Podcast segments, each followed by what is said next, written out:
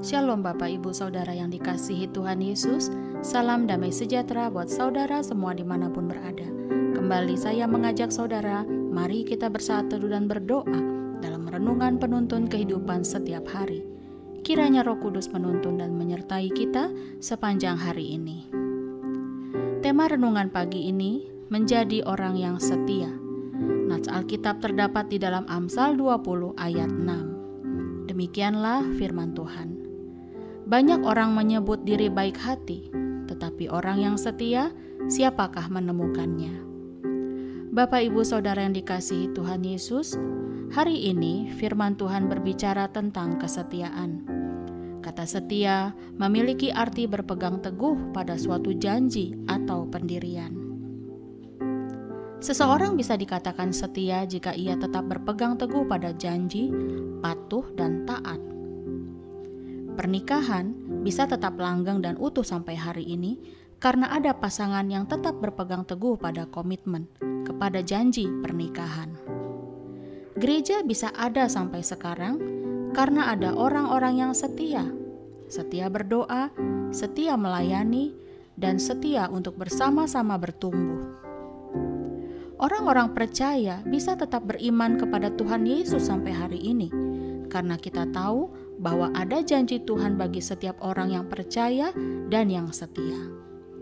Terlebih karena Dia telah menyelamatkan manusia dari dosa dan menjadikan kita sebagai anak-anak Allah. Tentu kita masih ingat kisah Ayub yang tetap setia, meski ia mengalami penderitaan yang luar biasa. Tetapi ia masih tetap berkata, "Dengan telanjang aku keluar dari kandungan ibuku, dengan telanjang juga aku akan kembali ke dalamnya. Tuhan yang memberi, Tuhan yang mengambil, terpujilah nama Tuhan. Dan juga dalam kisah Yusuf, saudara, meski ia dijual oleh saudara-saudaranya dan masuk penjara, tetapi ia masih tetap dapat berkata kepada mereka, "Meskipun kamu mereka-rekakan yang jahat, tetapi Allah mereka-rekakan yang baik." Demikian juga dengan apa yang dialami Yesus ia tetap setia menyelesaikan pekerjaannya sampai akhir. Meskipun ia harus mati di kayu salib, tetapi Yesus masih dapat berdoa untuk mereka yang membencinya. Ya Bapa, ampunilah mereka, sebab mereka tidak tahu apa yang mereka perbuat. Nah, bagaimana dengan kita, saudara? Apa yang membuat kita tetap setia kepada Tuhan, dan apa yang membuat kita tidak setia? Ketahuilah, bahwa setiap orang Kristen harus menyadari bahwa kita hidup karena anugerah Tuhan. Kita dipelihara dan diberkati karena anugerah Tuhan. Makanya, orang-orang Kristen yang setia kepada Tuhan adalah orang-orang yang sadar betul bahwa baik atau tidak baik keadaan kita, senang atau susah, diberkati atau belum diberkati, sehat atau sakit, sukses atau belum sukses, Sebetulnya, kita memiliki banyak hutang budi kepada Tuhan, walaupun kita tidak akan mampu membalas kebaikannya.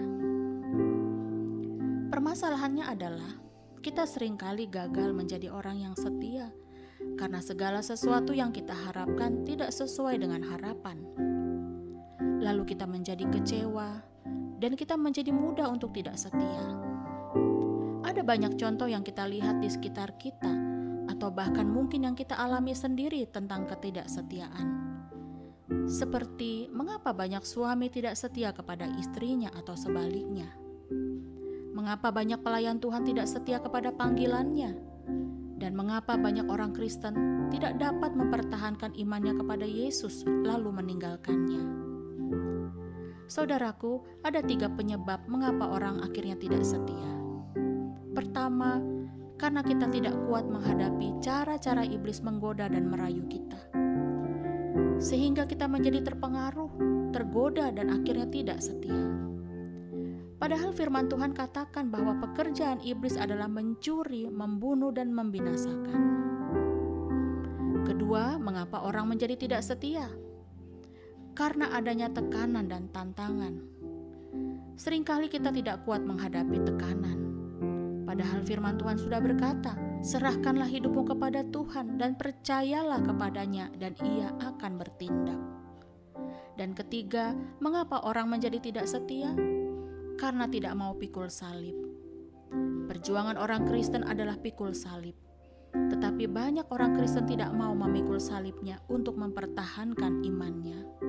Padahal firman Tuhan sudah katakan, barang siapa tidak memikul salibnya dan mengikut aku, ia tidak layak bagiku.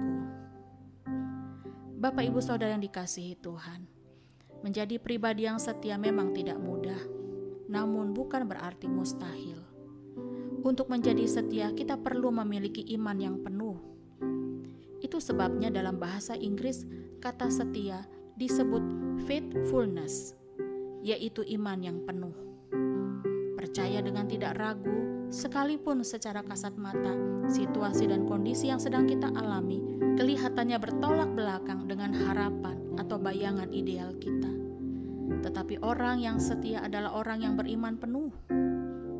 Saudaraku, maukah engkau kembali setia atau menjadi lebih setia lagi kepada Tuhan? Bukankah begitu banyak kasih dan kesetiaan Tuhan yang diberikannya kepada kita, walaupun kita sering mengecewakannya, tetapi Allah tetap setia. Di akhir renungan ini, marilah kita tetap setia, saudara, karena kesetiaan pasti selalu berbuah manis. Amin. Mari kita berdoa. Bapa di dalam surga, ampunilah kami kalau kami tidak setia kepada Tuhan. Padahal kami sudah begitu banyak mengecap kebaikan Tuhan. Tuhan Yesus, ada begitu banyak masalah dan tekanan yang kami hadapi. Bahkan banyak keadaan-keadaan yang tidak ideal, yang tidak sama seperti yang kami harapkan. Tetapi biarlah iman kami tetap teguh, agar kami menjadi orang-orang percaya yang setia menjadi pelayan Tuhan yang setia, suami yang setia, istri yang setia, dan anak-anak muda yang setia. Di dalam nama Tuhan Yesus kami berdoa. Amin. Kiranya berkat yang sempurna dari Allah Bapa, kasih karunia dari Tuhan Yesus Kristus, dan persekutuan yang indah dengan Roh Kudus menyertai kita dari sekarang ini dan sampai selama-lamanya. Maju terus dalam tuntunan Tuhan saudara, tetap semangat, Sampai jumpa esok hari di penuntun kehidupan setiap hari, dan Tuhan Yesus memberkati.